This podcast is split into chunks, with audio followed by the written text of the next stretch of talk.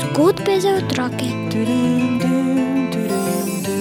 Lepe zgodbe.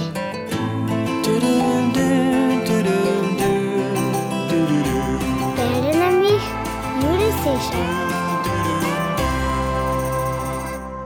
Lepo pozdravljeni.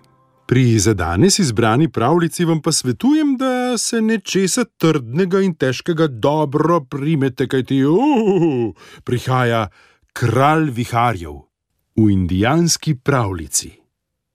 Na morski obali, veste, je živela indijanska družina.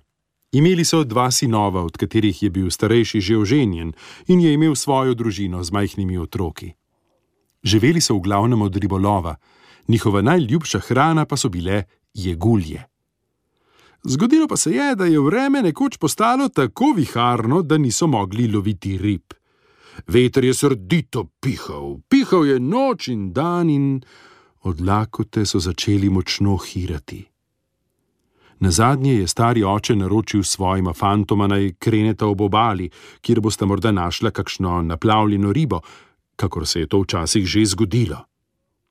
Tako se je eden od mladcev odpravil, da poskusi svojo srečo po očetovi misli. Ko je prišel do kraja, na katerem je bil veter tako silovit, da se je komaj obdržal na nogah, pa je zagledal vir vseh njihovih nadlog. Na koncu rta so bile skalne čeri, ki so jim pravili skalni rt, ki so segale daleč v morje. Ob oseki je posamezne čeri ločila plitvina, ob plimi pa so bile skoraj vse pod vodo. Na najbolj oddaljeni čeri je sedel velik ptič. Kralj viharjev in udarjal je s perutmi ter tako povzročal silni veter, ki je bil družini vir vseh nadlog. Indijanec se je odločil, da ptiča ukani. Nagovoril ga je z dedom in mu zaklical: Ali te kaj zebe? Ne, mu je odgovoril ptič. Mladenič pa mu je dejal: O, jaz pa vem, da te zebe. Daj, da te na svojem hrbtu ponesem na obalo. Pa stori tako, je bil ptičev odgovor.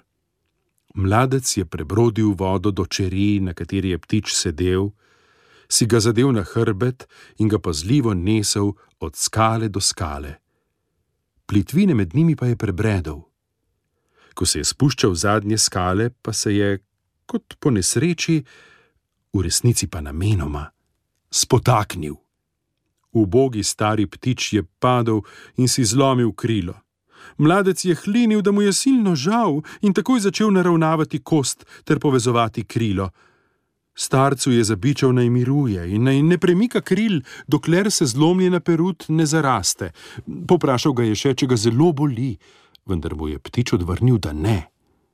Naročil mu je: Ostani tu, jaz pa te kmalo spet obiščem in ti prinesem hrane. Fant se je zdaj vrnil domov in videl, da je veter čisto ponehal. V popolnem brezveterju so si kmalu nalovili obilno zalogo živeža, saj je bilo jegul na pretek in bile so lahek plen. Vendar pa je tudi dobrih stvari lahko preveč. Po dolgih dneh brez veterja se je slana voda prekrila z nekakšno peno. Indijanci pravijo, da ta pena nastane zaradi bolezni in izbljukov velikih rib. Zaradi te pene ribiči ne vidijo podvodno gladino in tako ne morejo z ostmi loviti jegul. To se je zgodilo tudi tokrat. Zato so iskali zdravilo za novo nadlogo.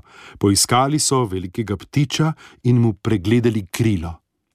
To se je že toliko zacelilo, da ga je lahko pregibal. Naročili so mu naj udarja z obema kriloma, da pa morajo biti njegovi gibi blagi in enakomerni. No, in tako se je v resnici zgodilo. In tako so Indijanci dosegli, da je pihal ravno pravšnji veter. Ja, zdaj vemo.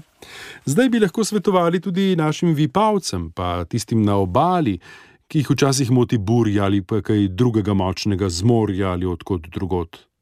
Bo treba poiskati, a ja, to je bila pravljica, pa še iz indijanskih krajev, povsem drugačne razmere. Zato, kot smo rekli na začetku, držite se.